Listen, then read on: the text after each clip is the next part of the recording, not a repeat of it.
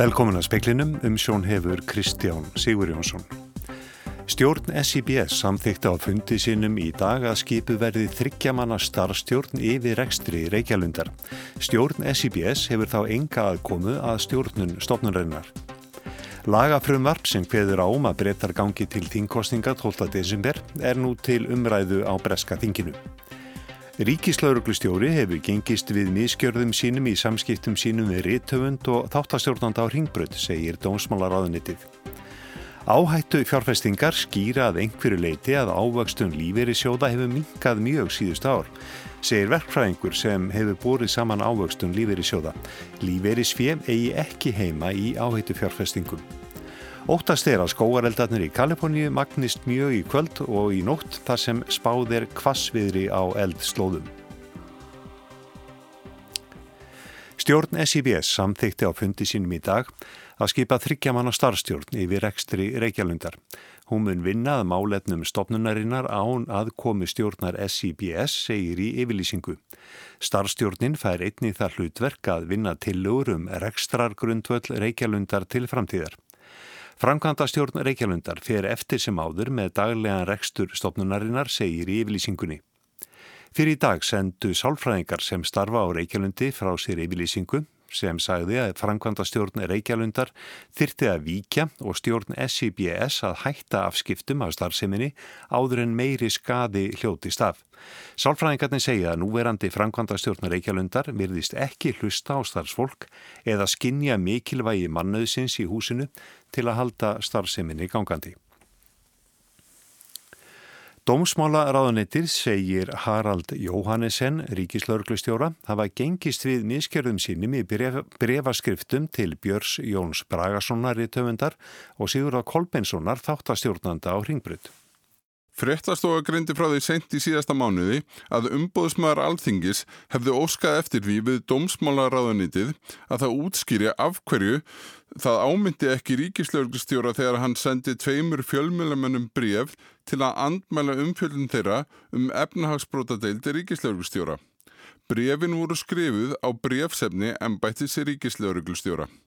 Dómsmálaráðuniti komst að þeirri niðurstöði í lók mæ að framganga Haraldar Jóhannesson, ríkislauglustjóra, hefði verið ámælisverð. Haraldur hafði sagað fjölmjölamennina um að bera ábyrð á ólögumætri meingerð vegna umfjöldunar þeirra um efnahagsbrótadeild embættisins. Í brefi umbóðsmanns altingis kom fram að fjölmjölamenninni tveir teldu að framkoma ríkislauglustjóra hafi verið það alvarleg að það kallaði á áminningu. Í brefi ráðuneytisins til umbóðsmanns alþingis segir að eftir brefaskipti við Harald hafi það verið mat ráðuneytisins að áminna hann ekki. Var það mat meðal hans byggt á því að hann gegst við miðskjörðum sínum og árættaði að hann myndi gæta að orðanótkun í málum sem þessum. Í ljósi þess var ákveð að gefa honum þó skýr skilaboð um afstöðu ráðuneytisins til slíkrar framgöngu og leggja sérstaklega fyrir hann að leðri það hana. Það hafi því verið meðalhóf sjónamið sem réðu för þegar ákveðu var að áminna Harald ekki. Jón Hákon Haldursson saði frá. Neðri málstofa Breska Þingsins ræðir nú lagafrumvarp sem Boris Jónsson fórsættisar á þær lagði fyrir í dag. Það kveður á um að bóða eigi til þingkostninga 12. desember. Þetta er í fjórða sinn sem Jónsson reynir að knýja fram kostningar. Í hinn þrjú skiptin, síðast í gær, fjekkst ekki aukin meiri hluti á þinginu fyrir tilögunni. Í þetta sinn læði Johnson fram lagafrumvarp sem aðeins einfaldur meiri hluti þingmanna þarf að samþykja. Jeremy Corbyn í verkamannaflokksins hefur þegar sagt að hann styðji frumvarpið og því þykir líklegt að það verði samþykt þegar þingmenn greiða atkvæðu um það síðar í kvöld. Nána veru fjallaði málið síðar í speklinum. Lífeyris fjö á ekki heima í áhættu fjárfestingum, segir verkfræðingur sem hefur borið saman ávöxtun lífeyrissjóða. Áhættu fjárfestingar skýri að einhverju leiti að ávöxtun lífeyrissjóða hefur minkað mjög síðustu ár. Raun ávöxtun líferissjóða var 11,4% að meðaltali á árunum 2003 til 2006. Á árunum 2013 til 2015 var hún 6,7% en fór niður í 2,2% á árunum 2016 til 2018. Hallgrímur Óskarsson, verkfræðingur, hefur borið saman raun ávöxtun íslenskra samegnasjóða og byrt niðurstöðunar á vefnum pensionpro.is. Já, mjög miklu leiti eru kannski, er kannski íslenski líferispenningar aðeins og mikið í áhættu fjárfestingum en þá. Það er ferðarþjónustöða, versmiður og ymsli tannig. Lífrið sé verður að vera í tröstri, jafnri ávöxtun en svo verður að vera einhverja allt aðrir, aðrir peningar sem eru í þessum áhættuverkefnum. Hallgrimur segir að ein af ástæðum þess að lífeyrispenningar almennings séu notaður í áhættu fjárfærstingar sé skortur á gagsægi. Það er ekki alveg upp á borðum, nema kannski í ný einstakasjóðum í hvað verkefni verður að setja lífeyrispenninga í og ég held að ástun uh, íslenska lífeyrisgreðanda myndi hækka mjög mikið ef það yrði mjög mikil, mjög mikið gagsægi um þessar fjárfæstingar vegna þess að þá væri svona eftirlitt, svipa eftirlitt eins og með, er komið núna með axturskreðslur alþingismanna, þetta hefur bara jákað áhrif. Þetta var Hallgrímur Óskarsson, Andri Irkil Valsson talaði við hann. Búist er við að skóareldarnir í Kaliforníu logi í nokkrar vikur enn. Betur gekk að ráða niðurlugum eldana í gerkvöld en það veru skamgóður vermir því það er spáð kvassviðri í kvöld og í nótt. Stærstu eldarnir eru á tveimur svæðum, annað þeirra er kent við Getty miðstöðina í Los Angeles. Yfir 10.000 heimili hafi verið rýmt í nágrenni hennar. Kincaid eldurinn álætt San Francisco er hins vegar sá umfangsmesti. Það er bleið að 200.000 manns hafa þurft að yfirgefa heimili sín á því svæði. Dorit Musaev, fyrverandi fórsetafrú, segist heimilífandi yfir Samson sem klónaður var úr Sámi, hundi hennar, og Ólars Ragnar Skrimssonar. Samson fættist í Texas á föstdægin var. Dorit fær hann, hin, fær hann ekki í hendur fyrir en eftir átta vikur. Ég ætla að vera í bandaríkinum, þangast til allir all the vaccinations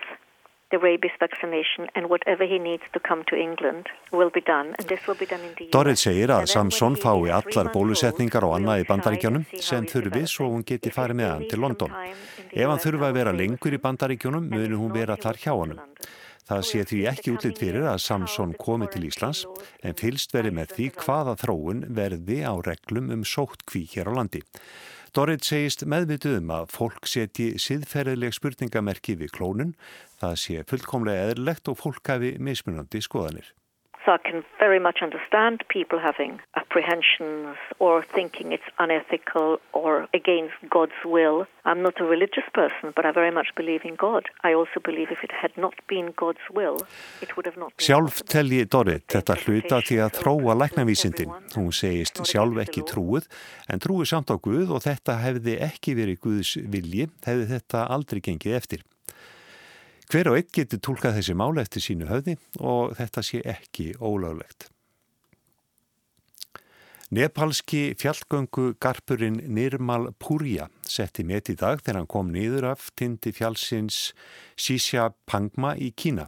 Þá hafði hann klifið 14 hæstu fjallatinda heims á rúmlega 6 mánuðum. Allir eru þeir yfir 8000 metrar á hæð. Nirmal Purja er 36 árað aldri, fyrirverandi hermaður í gúrka úrvalsveitunum sem markfrægar eru fyrir bardagalist og hörku. Hann einsetti sér fyrir nokkru að feta í fótspor ítalska fjallgöngumannsins Reinholds Messners sem fyrstur var til þess að klífa tindana 14. Það tók hann 16 ár. Purja var svo ákveðin að hann let flúra nöfn allra tindana á bakið. Hann klef þann fyrsta, Amampura í Nepal í april og síðan hvern af öðrum næstu 189 daga. Á leiðinni á Everest var hann ekki einn á ferð heldur í för með 320 öðrum. Hann smelti mynd af þar sem að sjá mátti umferðar öngfeiti á stíknum. Lægsti tindurinn var svo síðasti, Sispan Angma, 8031 metri á hæð. Fjallið er raunar lokað en Púrtja fekk undan þáu eftir töluverðar samningaviðræður við kynverja. Á fjallinu mætt honum ímsir erfileikar svo sem kvasfyri, snjóflóð og tannpína. Um það byrj 40 fjallgöngumönnum hefur tekist að komast á tindana 14. Sá sem vann afrikið hraðast á undan Nirmal Purja er söður kóriðumadurinn Kim Chang-ho. Hann náði markinu á 7 árum, 10 mánuðum og 6 dögum. Áskir Tómasson saði frá. every year there's always fires here, brush fires, but because of the wind, you know, it's, it's different. And all of a sudden it just... Enn og aftur brennur skóur á stórum svæðin í Kaliforni í bandaríkjónum. Ár eftir ár kemur upp svo staða að þúsundir manna þurfa að flýja heimkynni sín. Manntjón verður og ófá íbúðarhús og aðra byggingar verða eldi að bráð. Um 1100 slökkulismenn reyna nú að halda eldum í ríkinu í skefjum. Þeir stæstu er á tveimur stöðum, annars vegar í Sonoma vinnræktar hér aðinu, norðan San Francisco og hins vegar sunnari ríkinu, norðan við stórborgina Los Angeles. Kaliforníu búar hafa þurft að glíma við skóarelda á undanförnum árum. Þess ber þó að geta að ríkið er stórt, ríflega fjórum sinnum stærri en Ísland að hlatarmáli og eldarnir hafa tíðum verið staðbundnir og á strjálbíli svæðum. Stór og þéttbíl svæði eru aldrei í hættu og eldarnir hafa lítil sem engin áhrif á miljónir manna. Tjónið er samt mikill. Miklir þurkar voru um 7 ára skeið í ríkinu og stemti í vaskort hjá íbúum fyrir tveimur árum en íbúarnir eru næri 40 miljónir. Síðastliðna tvo vetur hefur hins vegar ringt duglega og vangaðist vassbúskapurinn til muna. Mikil þurkatíði sumar jók hættuna aftur á skóareldum og nú hefur svo hætta orðið að veruleika. Sankant upplýsingum frá Byrni Bjardal Jónssoni, sérfræðingi hjá skórætti ríkisins, þá kvikna 60.000 skóareldar árlegi í bandaríkjunum, flestir í Kaliforníu.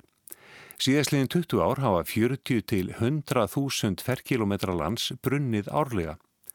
Í fyrra, árið 2018, brunnu 90.000 ferkilometrar í bandaríkjunum. Það slagar upp í allt flatarmál Íslands og þó að umræða hafi vaksið um hættu á gróðureldum á Íslandi þá hafa aðeins örfáir hektarar brunni hér á liðnum árum. Að mýrareldónum 2006 undanskildum þegar 72 ferkilometrar lands brunnu.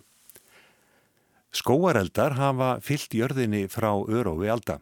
Orsæki skóarelda voru fyrir komu mannsins náttúrlegar en á síðaröldum og sérstaklega á síðustu áratugum hefur oftast má rekja þá til manna.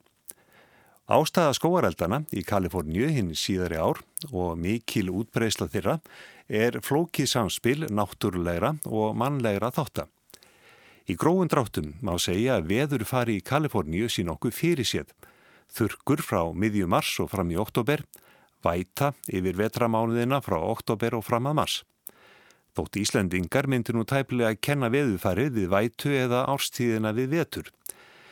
Þetta leiði til þess að gróður þornar duglega yfir sumartíman og er orðin skrjáaður um haustið. Og þá er mestahættan á skóareldum í september og oktober. Við þetta bætist að á haustin kvessir oft frá háþrýstisvæði sem liggur yfir eðimörkum Nevada og Arizona. Vindurinn er heitur og þurr og þurkar upp þann litla raka sem enn er að finna í gróðri.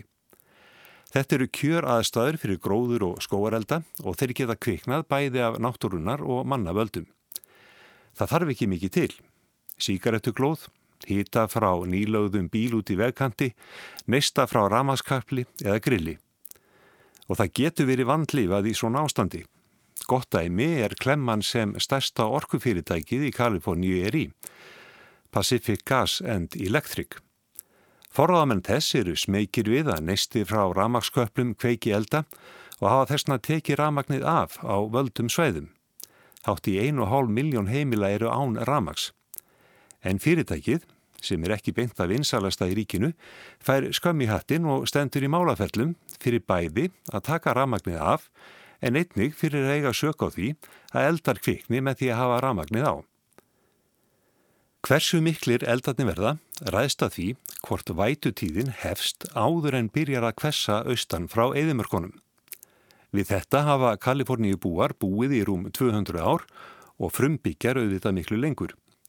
Eldarnir hinn síðari ár hafa hins vegar verið öbluri og valdið meira eignatjóni á mannvirkjum en áður. Fyrir því eru ímsar ástæður. Í fréttaskýringum í Los Angeles Times kemur fram að fólksfjölgun í Kaliforníu hafi orðið til þess að útkverfi borga og bæja hafa færst inn á svæði þar sem meiri hætta er á skóar eða gróðureldum, svæði sem liggja í vindstrengjum. Þá þykir mörgu velstæðu fólki einni flott að byggja hýbíli sinn utan alfara leiðar á dýrumlóðum í fallegum skóalundum en býður um leið hættunni heim.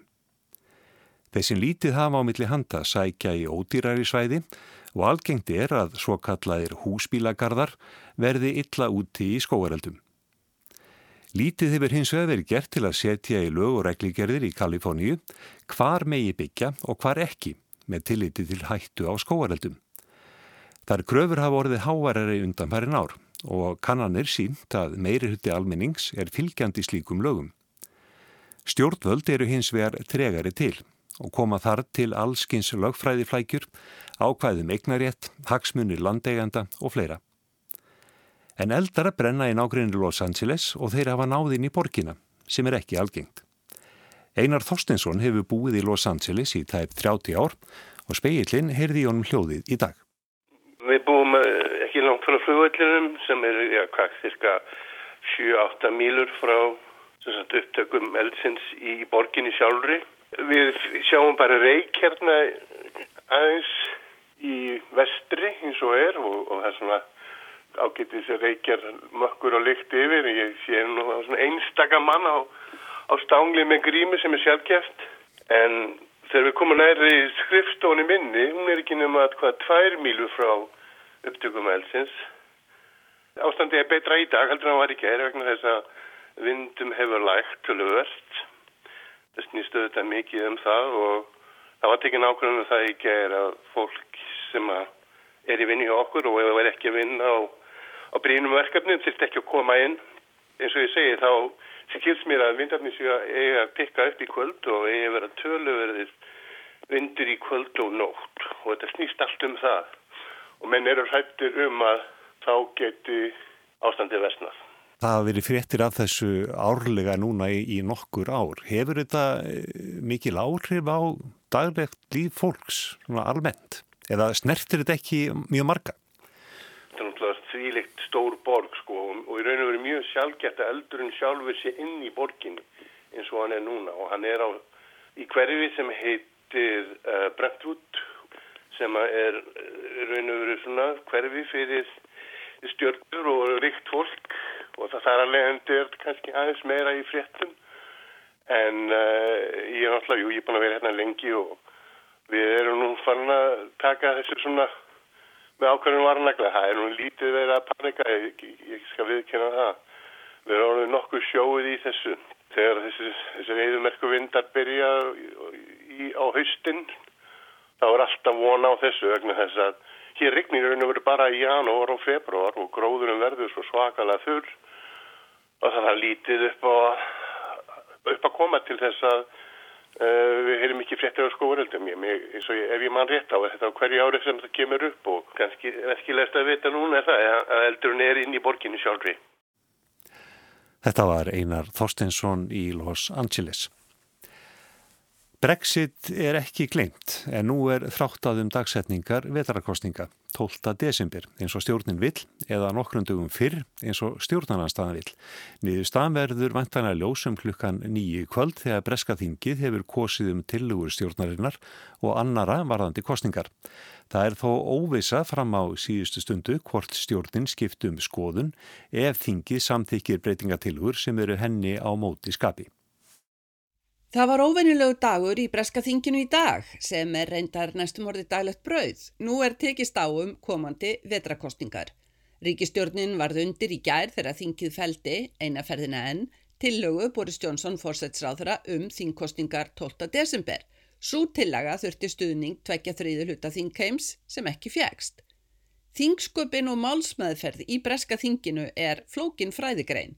Í dag fór fórsætsráþara aðra leið lagði fram tillögu um kostningar sem þurfti aðeins einfaldan meira hluta.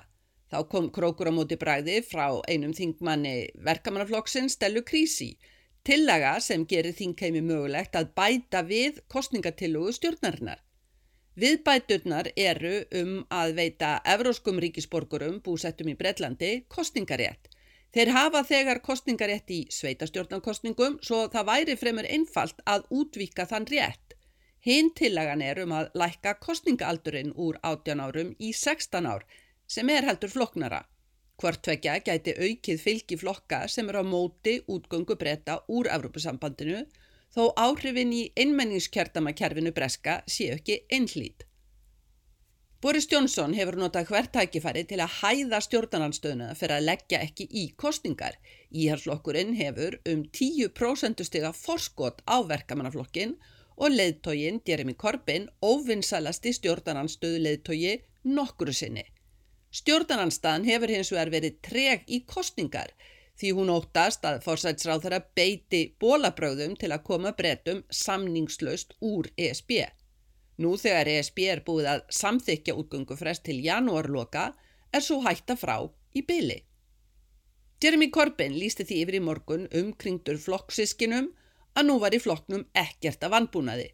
Flokkurinn væri til í kostningar, til í umræður en líka til í að ljúka umræðum og færi nú fram til sigurs. Boris Johnson var heitt í hamsi í þinginu í dag en það var svolítið eins og hann væri að endurtaka ræðu gerdagsins, var enn að hæða Jeremy Corbyn fyrir að leggja ekki kostningar og þó var Corbyn nýbúin að lýsa því yfir að nú vildan kostningar. Johnson saðist ekki vita af hverju Corbyn hikaði en vonaði að hann sigraðist á evanum. Uh, exercise. But whatever it is, I hope that he will now, and I, have listened to, I hope that he will now stand up and say that he has mastered his doubts. En hvað breytist þá? Af hverju skipti verkamannaflokkurinn um skoðun? Það var erfitt fyrir flokkin að vera móti kostningum þar sem skoski þjóðaflokkurinn og frjálslindir demokrater hafði þegar samþýtt kostningar þegar ljóst var að hættan á samningslösu brexit á næstunni var úr sögunni. Kostningavilji íhalsflokksins er áhugaverður því þar er telt á tæpasta vað. Reyndar orður um röma það sé urgur í þingflokknum vegna komandi vetrakostninga. Brexit-flokkurinn talar fjarska lokkandi til kjósenda íhalsflokksins. Johnson hampar því mjög að þvert á það sem allir heldu hafa náð að endursemja um útgönguna við Evropasambandið. Þingið samþykti að taka samningin til meðferðar en hafnaði að afgreðan á aðeins þremur dögum eins og fórsætsráð þeirra krafðist. Þá stöðvaði fórsætsráð þeirra meðferð þingsins. Kostningasaga Johnsons er því að hann hafi samið en þingið síðan hindrað framkvöngu samningsins. Stjórnin vildi láta kjósa 12. desember að sög til að geta afgreitt fjárlög fyrir Norðuríland. Stjórnarnanstaðan taldi þetta of seint Stúdendar væru farnir í frí, geti valdi vandraðum upp á hvar þeir væru skráðir til að kjósa. 9. desember var í betri tími. Viljið Þingheims um kostningar liggur vantanlega fyrir í kvöld. Það sem láð þó í loftinu undir kvöldið var að ef Þingið samþykti eitthvað sem væri stjórninni á móti skapi eins og að lækka kostningaaldurinn eða veita evróskum ríkisborgurum kostningarétt, geti fórsætsráð þeirra gripið aftur inn í framvinduna og dreyið tilbaka tiluguna um kostningar. Kanski aðeins sagt til að sá óvissu, en það er með kostningar eins og brexit meiru óvissa en vissa. Sigrun Davísdóttir sagði frá. Fyrir kjósendur í forvali demokrata í bandaríkjónum skipta málefni frambjóðanda minna en möguleikin á að vinna Donald Trump í forsetakostningunum á næsta ári. Lengst af þótti Joe Biden físilegasti kosturinn en rannsóknin sína að Elizabeth Warren og Pitt Buttigieg eiga meiri möguleika meðal þjóðfélagshópa sem geta ráðið úslitum í þeim ríkjum sem mestumáli skipta. Stórumálin í forvali demokrata eru ekki heilbriðismálin, bissulögjöfun eða málefni innflytjenda. Kjörþokkin er alls ráðandi. Mikill meiri hluti kjósenda demokrata telur mikilvægara að velja frambjöðanda sem getur sigrað Donald Trump í forsetakostningunum heldur en frambjöðanda með hagfæld málefni. Í útökt Washington Post segir að erfitt sé að mæla kjörþokkan og venjulegar skoðanakannanir segir lítið um sigur líkur í kostningum. Hillary Clinton fekk til að mynda næri þremur miljónum fleiri atkvæði en Donald Trump í kostningunum árið 2016 en tapaði samt. Hún hafði ekki nægilegan stuðning meðal ákveðina þjóðfélagshópa í þeim ríkjum sem skipta sköpum. Donald Trump hafði einfallega betur í þeim ríkjum sem ráða úrslitum þótt hann fengi minni hluta atkvæða á landsvísu. Í útækt Washington Post er skoðað ofan í kjölinn hvernig fimm efstu frambjöðandur í forvalinu höfða til tiltekina þjóðfélagshópa í þessum örfáu ríkim sem skipta sköpum. Í samræmi við það er metið hversu líklegt er að tiltekin frambjöðandi hafi betur en Donald Trump í þessum líkil ríkjum. Annars vegar eru þetta Michigan, Pennsylvania og Wisconsin í riðbeltinu svo kalla og hins vegar Nevada og Nýja Mexiko í söðu vestri. Samkvæmt útreikningum blaðsins eiga Elisabeth Warren og Pete Buttigieg mesta möguleika í þessum tilteknu ríkjum. Kamala Harris kemur næst en Joe Biden og Bernie Sanders er eitthvað lestina. Þetta er flókin talna leikvimi en gefur aðtiklisverðar vísbendingar. Hillary Clinton tapaði til að mynda í riðbeltinu að því að hún naut takmarkaðs stuðnings meðal kvítra karlmanna og fólks með litla mentun. Þetta eru ríki eins og Michigan, Pennsylvania og Wisconsins þar sem yðnaður hefur hrunið og fólk situr eftir með sárt ennið. Þetta fólk kaus Donald Trump í síðustu kostningum. Kvítir karlar skipta sköpum í riðbeltinu og þeir kjósa mun frekar republikana en demokrata. Pete Buttigieg er sterkastur meðal kvítra karla en Joe Biden og Bernie Sanders fylgja fast á hæla hans. Harris og Warren reyka lestina. Það er þyrtu meira fylgi á landsvísu en karlarnir til að tryggja sér nægan stuðning í þessum líkil ríkjum. Þessu er þveröfugt farið í Suðvesturíkjunu Nevada og Nýju Mexiko. Þar stendur Elisabeth Warren bestað víi sangvann þessum útreikningum en Harris fylgir fast á hæla hennar en það njóta þær mest stuðnings meðal fólk sem á rætur sínar að rekja til rómönsku Ameríku. Pete Buttigieg kemur næstur og að lokum Joe Biden og Bernie Sanders. Demokrater þurfa að tryggja sér sigur í þessum likil ríkjum í riðbeltinu og söðvestri ef þeim á að takast að fella Donald Trump á næsta ári. Marta á eftir að breytast þegar líður á forvalið og ekki síður í forseta kostningunum sjálfum. Ítri þættir skipta það væntalega sköpum eins og staða efnahagsmála, heimsfriður eða jafnvel stríð og svo geta allskinn skandalar komið upp sem geta ráðið úslitum.